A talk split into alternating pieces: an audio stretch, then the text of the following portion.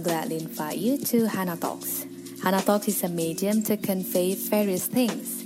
We work through light discussion with various figures and walk with you to explore the extraordinary that you never imagined. So come on and stay there because you will regret losing a great part of our Taoism journey. Just relax and enjoy the show.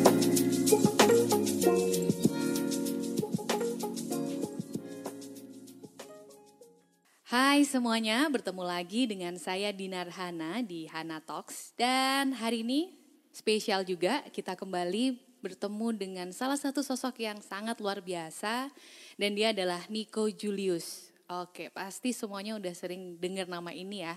Sering banget seliuran di Instagram kita, siapakah Nico Julius itu. Nah, hari ini kita akan share banyak hal dari ilmu yang bisa kita curi dari Kak Niko ini. Dan dia ini adalah uh, bisa aku bilang expert di Instagram ya dengan berbagai macam tips and triknya yang sangat menarik di Instagram. Oke, hari ini kita akan sharing dan diskusi dengan uh, Kak Niko tentang unique content in similar industry. Oke, halo Kak Niko. Hai, halo Kana. Halo, apa kabar nih? Halo, baik baik. Gimana kabarnya selama ya. pandemi ini? Lancar semua? Uh, ya gitu ya. Uh, aktivitas semua di rumah ya. Jadi nggak nggak terlalu bisa banyak aktivitas di luar aja sih sebetulnya. Oke okay, oke okay, jadi okay. ada ada plus minus lah. Gitu ya. Ini harus ceritain sih ini plus minusnya gimana. Kita pengen tahu eh, kegiatan seorang Neko Julius selama pandemi. Oke okay, uh, langsung ya kita ke uh, topik pertama pertanyaan pertama maksudku Uh, semua pengen tahu mungkin gimana sih awalnya seorang Nico Julius itu terjun ke dunia digital marketing dan utamanya nih Instagram atau yang selama ini kita tahu hmm. Instagram atau mungkin ada yang lain bisa di-share juga ke kita.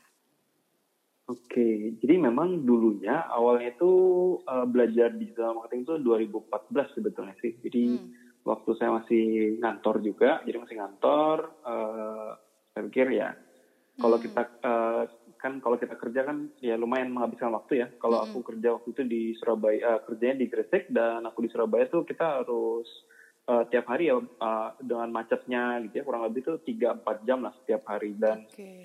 ya karena macet itu aku pikir gimana ya biar maksudnya biar bisa menghasilkan lah gitu waktu mm. sambil macet gitu ya. Akhirnya mulai pikir oh ya coba-cobalah bisnis online. Akhirnya mulai-mulai belajar bisa online di 2014, kemudian jadi full timernya itu dari 2016 dengan bidang yang lebih difokuskan itu lebih ke periklanan. Jadi memang fokusnya dulu iklan okay. uh, di Facebook, Instagram, kemudian Google, YouTube dan ya semua platform lain sih di Indonesia. Tapi baru Desember 2019 eh, yang lalu, mm -hmm. jadi 17 Desember 2019 itu baru uh, membuat resolusi eh, resolusi baru jadi tepatnya. Mm. Jadi kan de pas Desember akhir tuh ya. Jadi mm. pikirnya 2020 tuh harus ngapain sih? Pikir oh. gitu. Jadi uh, 2020 temanya adalah personal branding aku pikir gitu. Jadi uh, platform apa? Instagram, udah gitu aja. Jadi itu uh, uh, awal mulanya sebetulnya kenapa uh, ya pakai Instagram sih sebetulnya cuma ya resolusi pribadi aja sih. Oke, itu resolusi pribadi tapi efeknya ke semua orang ya. Jadi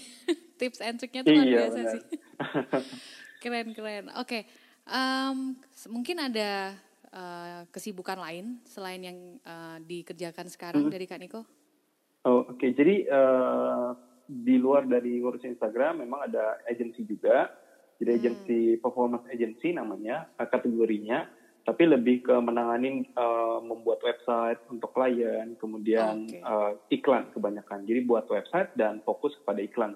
Jadi kayak manage uh, Instagram uh, klien gitu ada nggak? Hmm. Uh, ya sekarang udah agak jarang kita handle yang begitu karena uh, kebanyakan klien tuh kan pengennya uh, cepat gitu ya dan kita hmm. lebih fokus dengan iklan gitu. karena memang background background kita juga lebih banyak di dunia iklan jadi memang ya itu sih yang kita handle sekarang ah, aktivitas okay. di luar eh, selain dari Instagram sebetulnya. Oke okay, keren keren.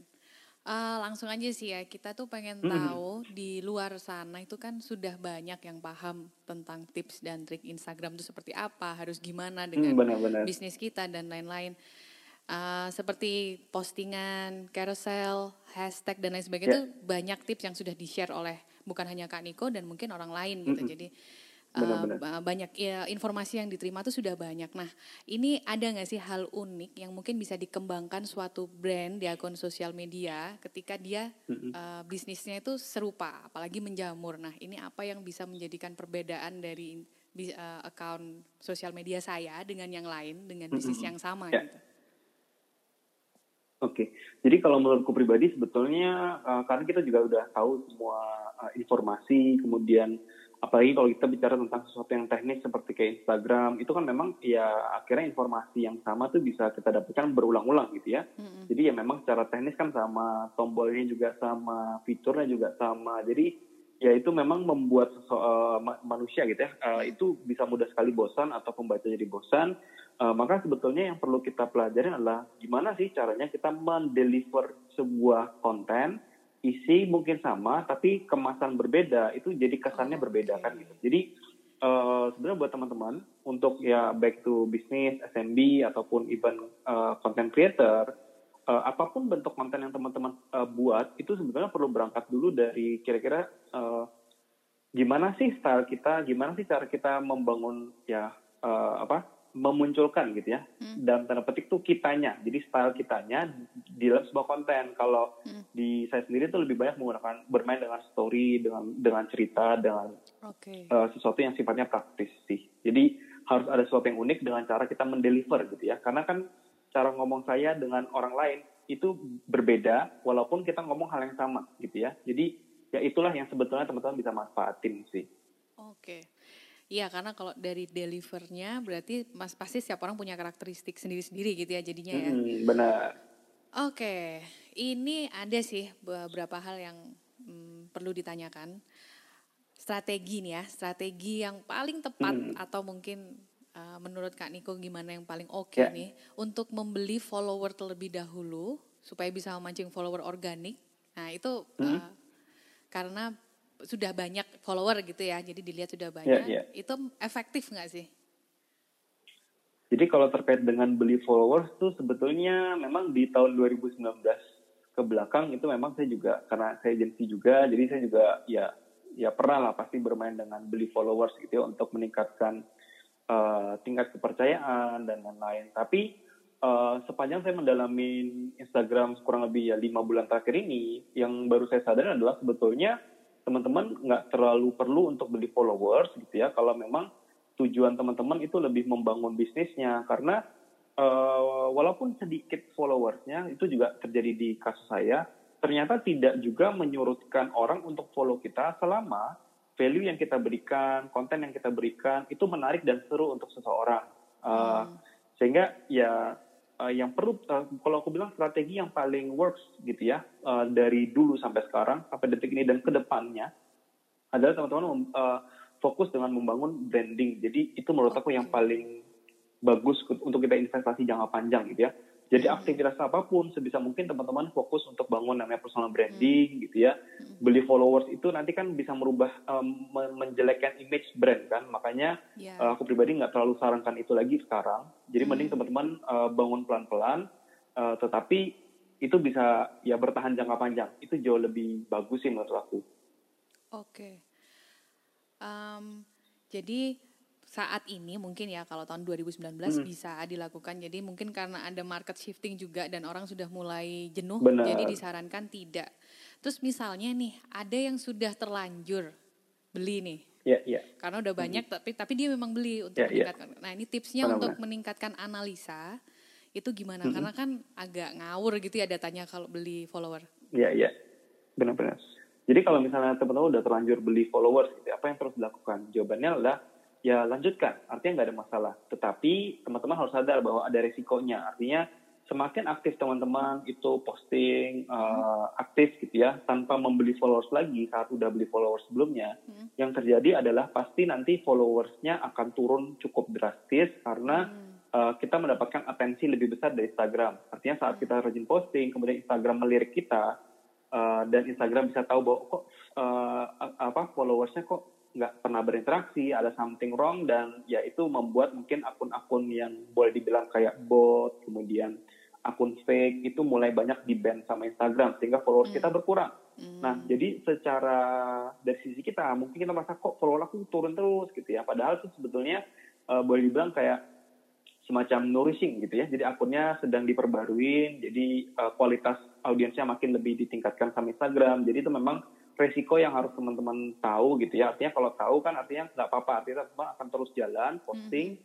konsisten selama uh, walaupun gitu ya, walaupun uh, tingkat unfollow-nya tinggi, tetapi ada satu titik nanti saat ya unfollow-nya sudah akan uh, berkurang dan itu bentuknya stabil kurvanya dan pertumbuhan akun teman-teman itu bisa uh, uh, ya surplus artinya tetap uh, positif gitu dan di situlah titik di mana akun akun akun Instagram kita itu bisa berkembang dengan hmm. sangat pesat sih kayak gitu. Oke, jadi paling tidak ada satu titik di mana itu sudah uh, follower organik paling tidak yang uh, ada di akun kita. Oke. Nah, sebelumnya uh, kita pengen tahu sih uh, perubahan signifikan yang terjadi setelah adanya pandemi ini di Instagram nih apa mulai hmm. dari cara orang mengiklan atau dari yeah, uh, yeah follower itu sekarang keinginannya seperti apa, market hmm. keinginannya seperti apa, itu mungkin ada perubahan yang signifikan nggak sih?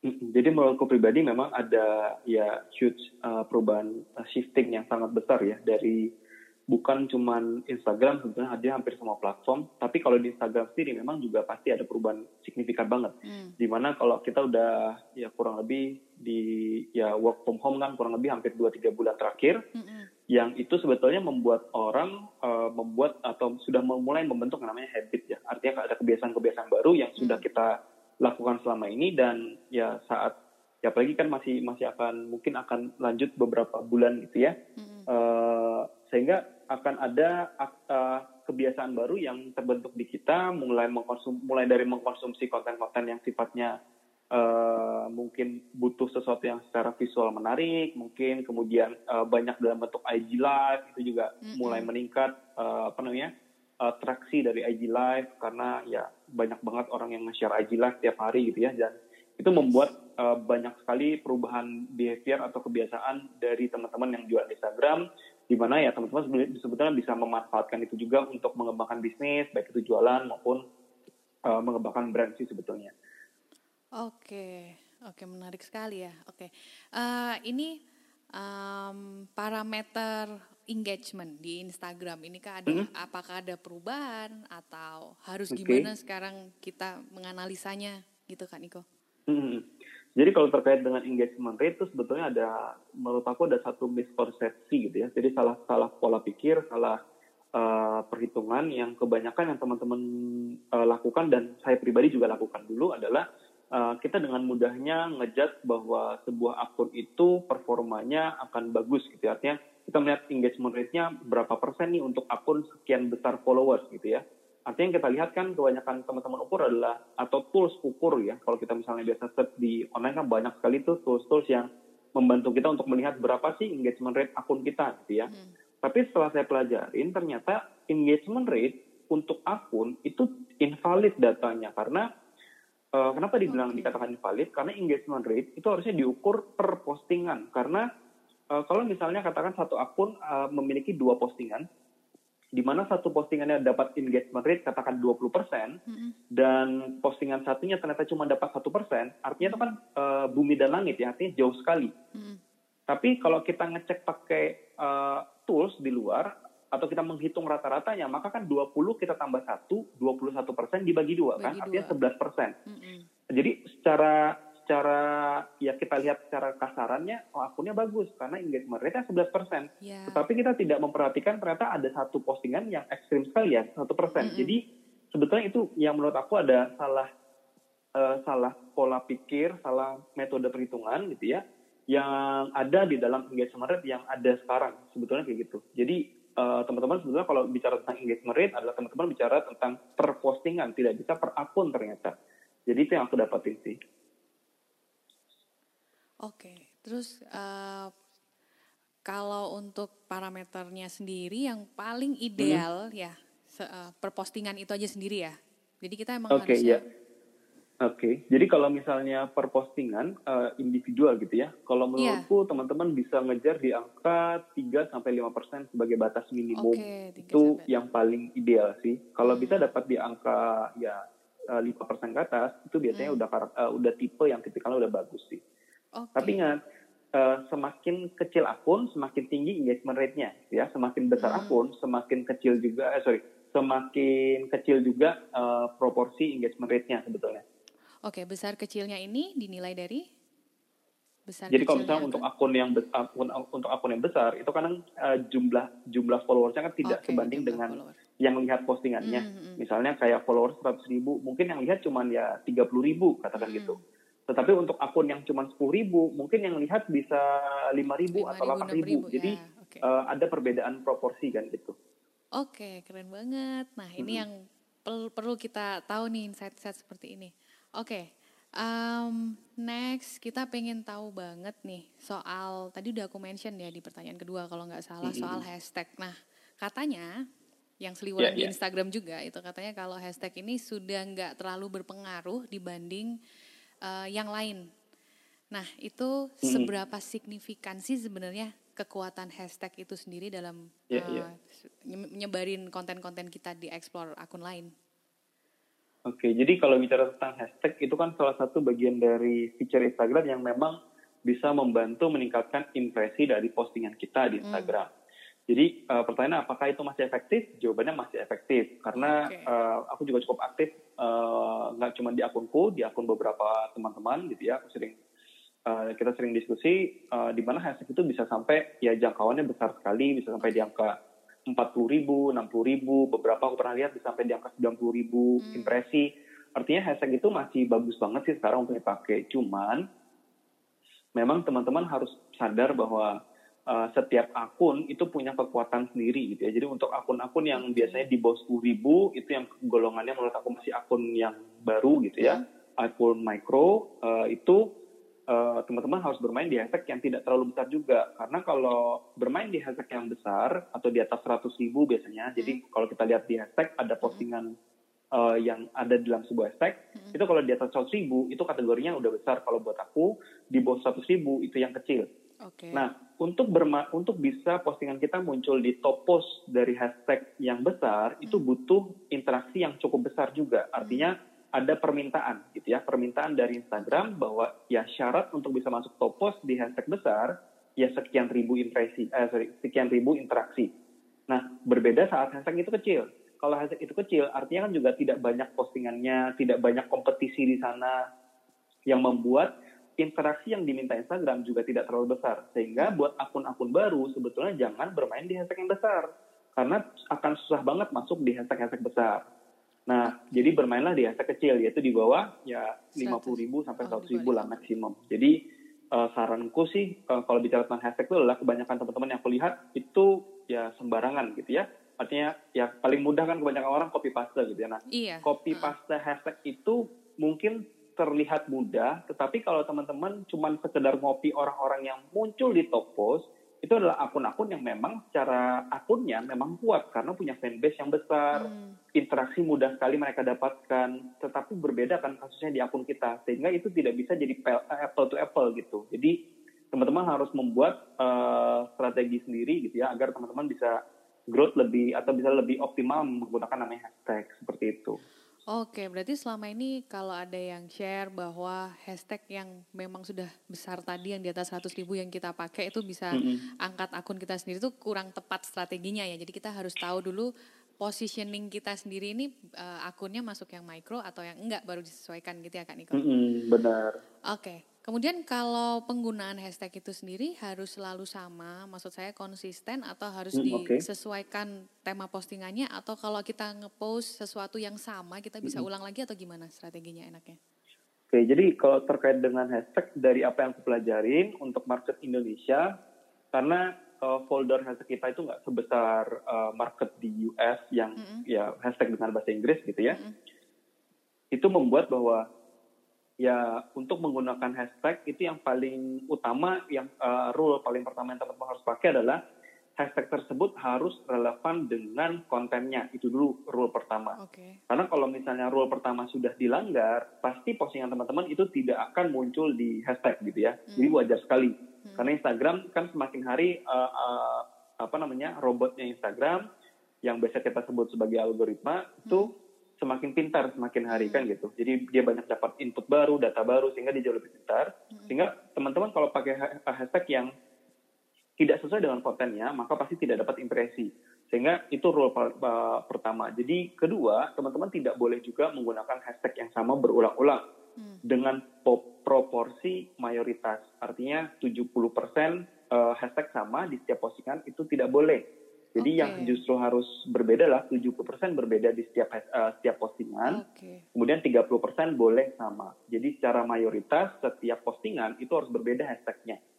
Jadi cara bermain hashtag itu seperti itu. Sebenarnya cuma dua macam itu sih aturannya. Terlepas dari ya teknis pemilihan hashtag seperti yang tadi udah kita diskusiin tadi mm-hmm. ya tentang hashtag besar atau kecilnya. Jadi uh, seperti itu sih cara uh, apa mengoptimalkan postingan dengan hashtag. Hmm, Oke, okay. uh, eh, kadang uh, sebuah uh, account itu kan dia harus membranding dirinya sendiri kadang dengan hashtag juga. Nah contohnya tadi kan hmm. harus paling nggak 70% berbeda supaya tadi bisa benar, benar. sama robotnya Instagram tuh bisa diolah algoritmanya. Jadi kayak misalnya brand itu punya hashtag misalnya Hana Talks nih, kita pakai itu terus yeah, nggak yeah. apa-apa ya selama itu di bawah 30% itu tadi berarti ya. Mm, benar, benar. Oke.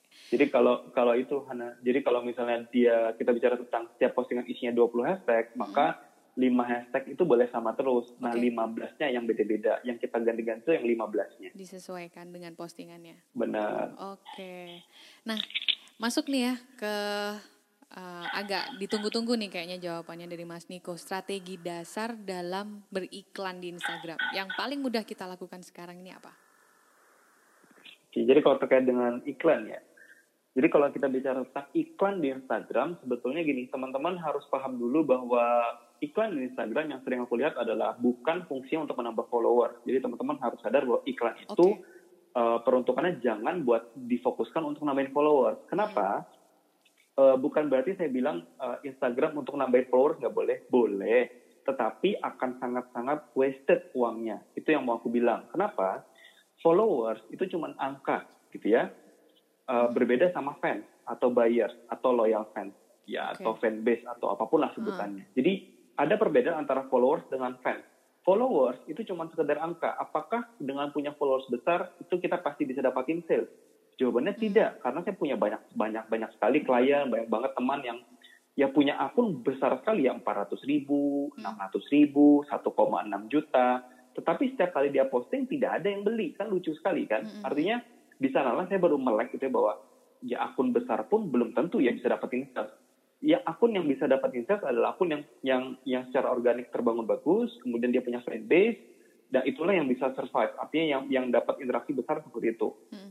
nah jadi kalau misalnya teman-teman itu beriklan untuk dapetin followers ya tinggal bicara nanti kapan teman-teman akan kehabisan budget marketing gitu ya mm. sehingga teman-teman tidak melanjutkan iklan lagi itu kan pasti terjadi artinya karena kita cuma dapetin cari followers dan followers tidak menghasilkan uang tidak memberikan return balik sehingga saat kita beriklan tujuan utamanya harus ROI minimal jadi harus impas jadi kalau kita uang, keluar uang 100 ribu gimana caranya 100 ribu balik sehingga besok hari kita bisa iklan lagi 100 ribu dengan harapan bisa profit 110 ribu. Artinya ya kita profit bersih ada 10 ribu. Hmm. Jadi itu kan tujuan kita hmm. dari berikan. Sehingga tiap hari itu kita bisa iklan.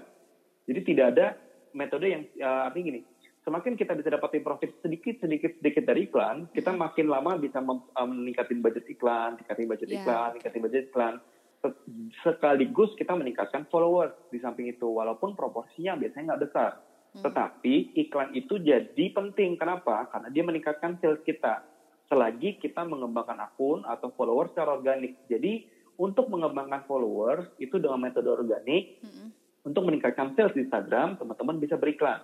Jadi itu dua hal yang berbeda. Karena kita bicara tentang meningkatin sales dan meningkatin followers, yaitu dua hal yang berbeda sebetulnya. Kayak gitu. Keren banget. Oke. Ini uh, mungkin harus kasih tips lagi nih, Mas Niko. Hmm. Uh, gimana nih buat teman-teman yang pengen memulai bisnis dan memulai akunnya di Instagram untuk bisnisnya atau teman-teman yang mm-hmm. sekarang ini lagi stuck karena kemarin banyak juga yang curhat dari teman-teman okay. uh, Instagram saya udah maksimal inilah begitulah iklan sudah tapi tiga mm-hmm. bulan ini ya memang mungkin karena efek pandemi ini mereka yeah, yeah. bahkan tidak ada penjualan sama sekali mungkin ada tips yang mudah mm-hmm. bisa dikerjakan sama teman-teman semua. Oke, jadi uh, menurut saya memang ada beberapa tipe bisnis yang memang boleh dibilang itu benar-benar stuck gitu ya. Hmm. Uh, mulai dari dia nggak bisa kirim barang, kemudian uh, ya orang nggak mungkin orang sedang tidak tidak butuh barang dia, mungkin hmm. artinya kebutuhan uh, mina apa sih? Uh, kebutuhan Lebih akan barang tersebut mungkin gitu ya? tidak ada hmm. gitu ya. Hmm. Artinya ya ya ada banyak faktor kan. Hmm. Tapi menurut aku ini juga uh, waktu di mana teman-teman sebetulnya perlu sadar bahwa ya kita tidak boleh idealis gitu ya dengan hmm. dengan produk kita. Artinya kita perlu belajar dengan yang namanya uh, belajar dengan hal baru, adjusting gitu ya. Hmm. Uh, teman-teman harus sadar bahwa ya ada pasti beberapa uh, alternatif yang membuat artinya uh, ada beberapa produk turunan yang bisa teman-teman buat dari produk yang ada sekarang kalau memang itu stuck. Misalnya untuk produk-produk mahal kan sekarang tidak mungkin ada orang beli produk mahal kan gitu, hmm. produk produk, produk hmm. premium ya karena mungkin orang lebih milih ya uangnya mending disimpan dulu kan gitu mm-hmm. karena mereka juga tidak bisa menghasilkan uang misalnya gitu jadi uh, terus gimana dong caranya? Jadi beberapa teman juga melakukan uh, diversifikasi ya. Jadi membuat produk dengan harga yang jauh lebih murah mm-hmm. dengan brand yang berbeda. Nah itulah yang mereka promosikan di uh, masa-masa sekarang. Jadi okay. uh, yang membuat sesuatu yang lebih uh, murah lagi dan ya itu bisa menggenerate cash flow buat mereka. Artinya gini uh, sekarang orang cukup sensitif gitu ya terkait dengan ya karena mereka juga agak sulit menghasilkan uang maka ya teman-teman harus jeli gitu ya melihat kira-kira apa sih yang dibutuhkan orang kira-kira apa yang dibeli orang uh, kemudian kira-kira produk apa yang menjadi pilihan orang gitu ya jadi saya yakin memang tingkat konsumsi tidak nol gitu ya tetapi menurun cukup dalam gitu ya jadi cukup hmm. drastis penurunannya Uh, tapi bukan berarti tidak ada yang beli kan gitu. Jadi ada yang beli, hanya saja ada faktor-faktor lain yang menjadi pertimbangan besar buat uh, yes, benar. sekarang. Mm-hmm. Nah teman-teman tuh harus jeli dengan hal, hal seperti itu. Karena kalau tidak, ya yang terjadi adalah teman-teman akan penuh dengan komplain sendiri mm-hmm. atau menyalahkan situasi. Padahal itu kan tidak produktif sama sekali gitu ya, nggak ada. Ya gimana cara kita mengubah situasi yang nggak ada kan? Jadi cara yang paling mudah lah ya kita mengubah diri kita sendiri, uh, melihat apa yang bisa kita adjust dari bisnis, hmm. kemudian kita coba uh, mulai gitu ya. Nah, buat teman-teman yang memang mau jualan, saran saya teman-teman banyakin uh, belajar dari banyak literatur di Google banyak sekali, hmm. saya yakin di YouTube juga banyak banget. Teman-teman juga uh, dan sekarang juga e-course banyak banget bertebaran yes. gitu ya. Teman-teman bisa belajar fokus tentang iklan kalau memang teman-teman mau fokus jualan gitu ya. -hmm. Jadi itu saran aku sih dengan uh, tapi ingat bahwa iklan dan lain-lain itu hanya hanya sebagian kecil dari teknis tentang gimana cara memarketingkan online. Hal yang hmm. paling utama adalah teman-teman memiliki fondasi atau pola pikir yang benar dulu tentang membangun bisnis itu harus seperti apa seperti yang tadi aku bilang.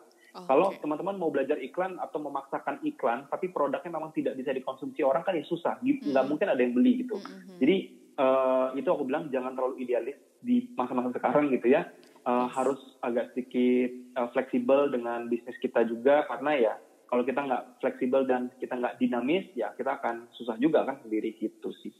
Keren banget dan paling gampang sih pantengin Instagramnya Kak Niko ya. Di situ banyak tips-tips yang bisa dipelajari yang bisa kita terapkan mm -hmm, juga. Uh, gimana cara memulai account bisnis kita secara digital. Oke, dan kayaknya kita bisa nih ya bikin sebuah project bareng ya Kak Niko next bareng Hana Talks. Ya, ya, boleh. Karena insight ini banyak banget dan uh, pasti kita nanti akan datangkan lagi Kak Niko di Hana Talks dan uh, Kak Niko terima kasih banyak waktunya. Ya. Uh, dan ya, tadi sama. semua insightnya luar biasa, pasti bermanfaat buat pendengar Hana Talks dan buat teman-teman Hana Talks di sana. Itu tadi obrolan singkat kita bareng Niko Julius dan podcast kali ini uh, pasti memberikan insight yang luar biasa, terutama dalam bidang digital marketing, uh, uh, specialty di Instagram. Oke, okay, Kaniko, thank you. Sampai ketemu lagi. Ya, yeah, thank you, Hana. Oke, okay, dan jangan sampai ketinggalan ya buat mendengarkan podcast Hana Talks di platform kesayangan Anda, Spotify, YouTube, dan Anchor. See you.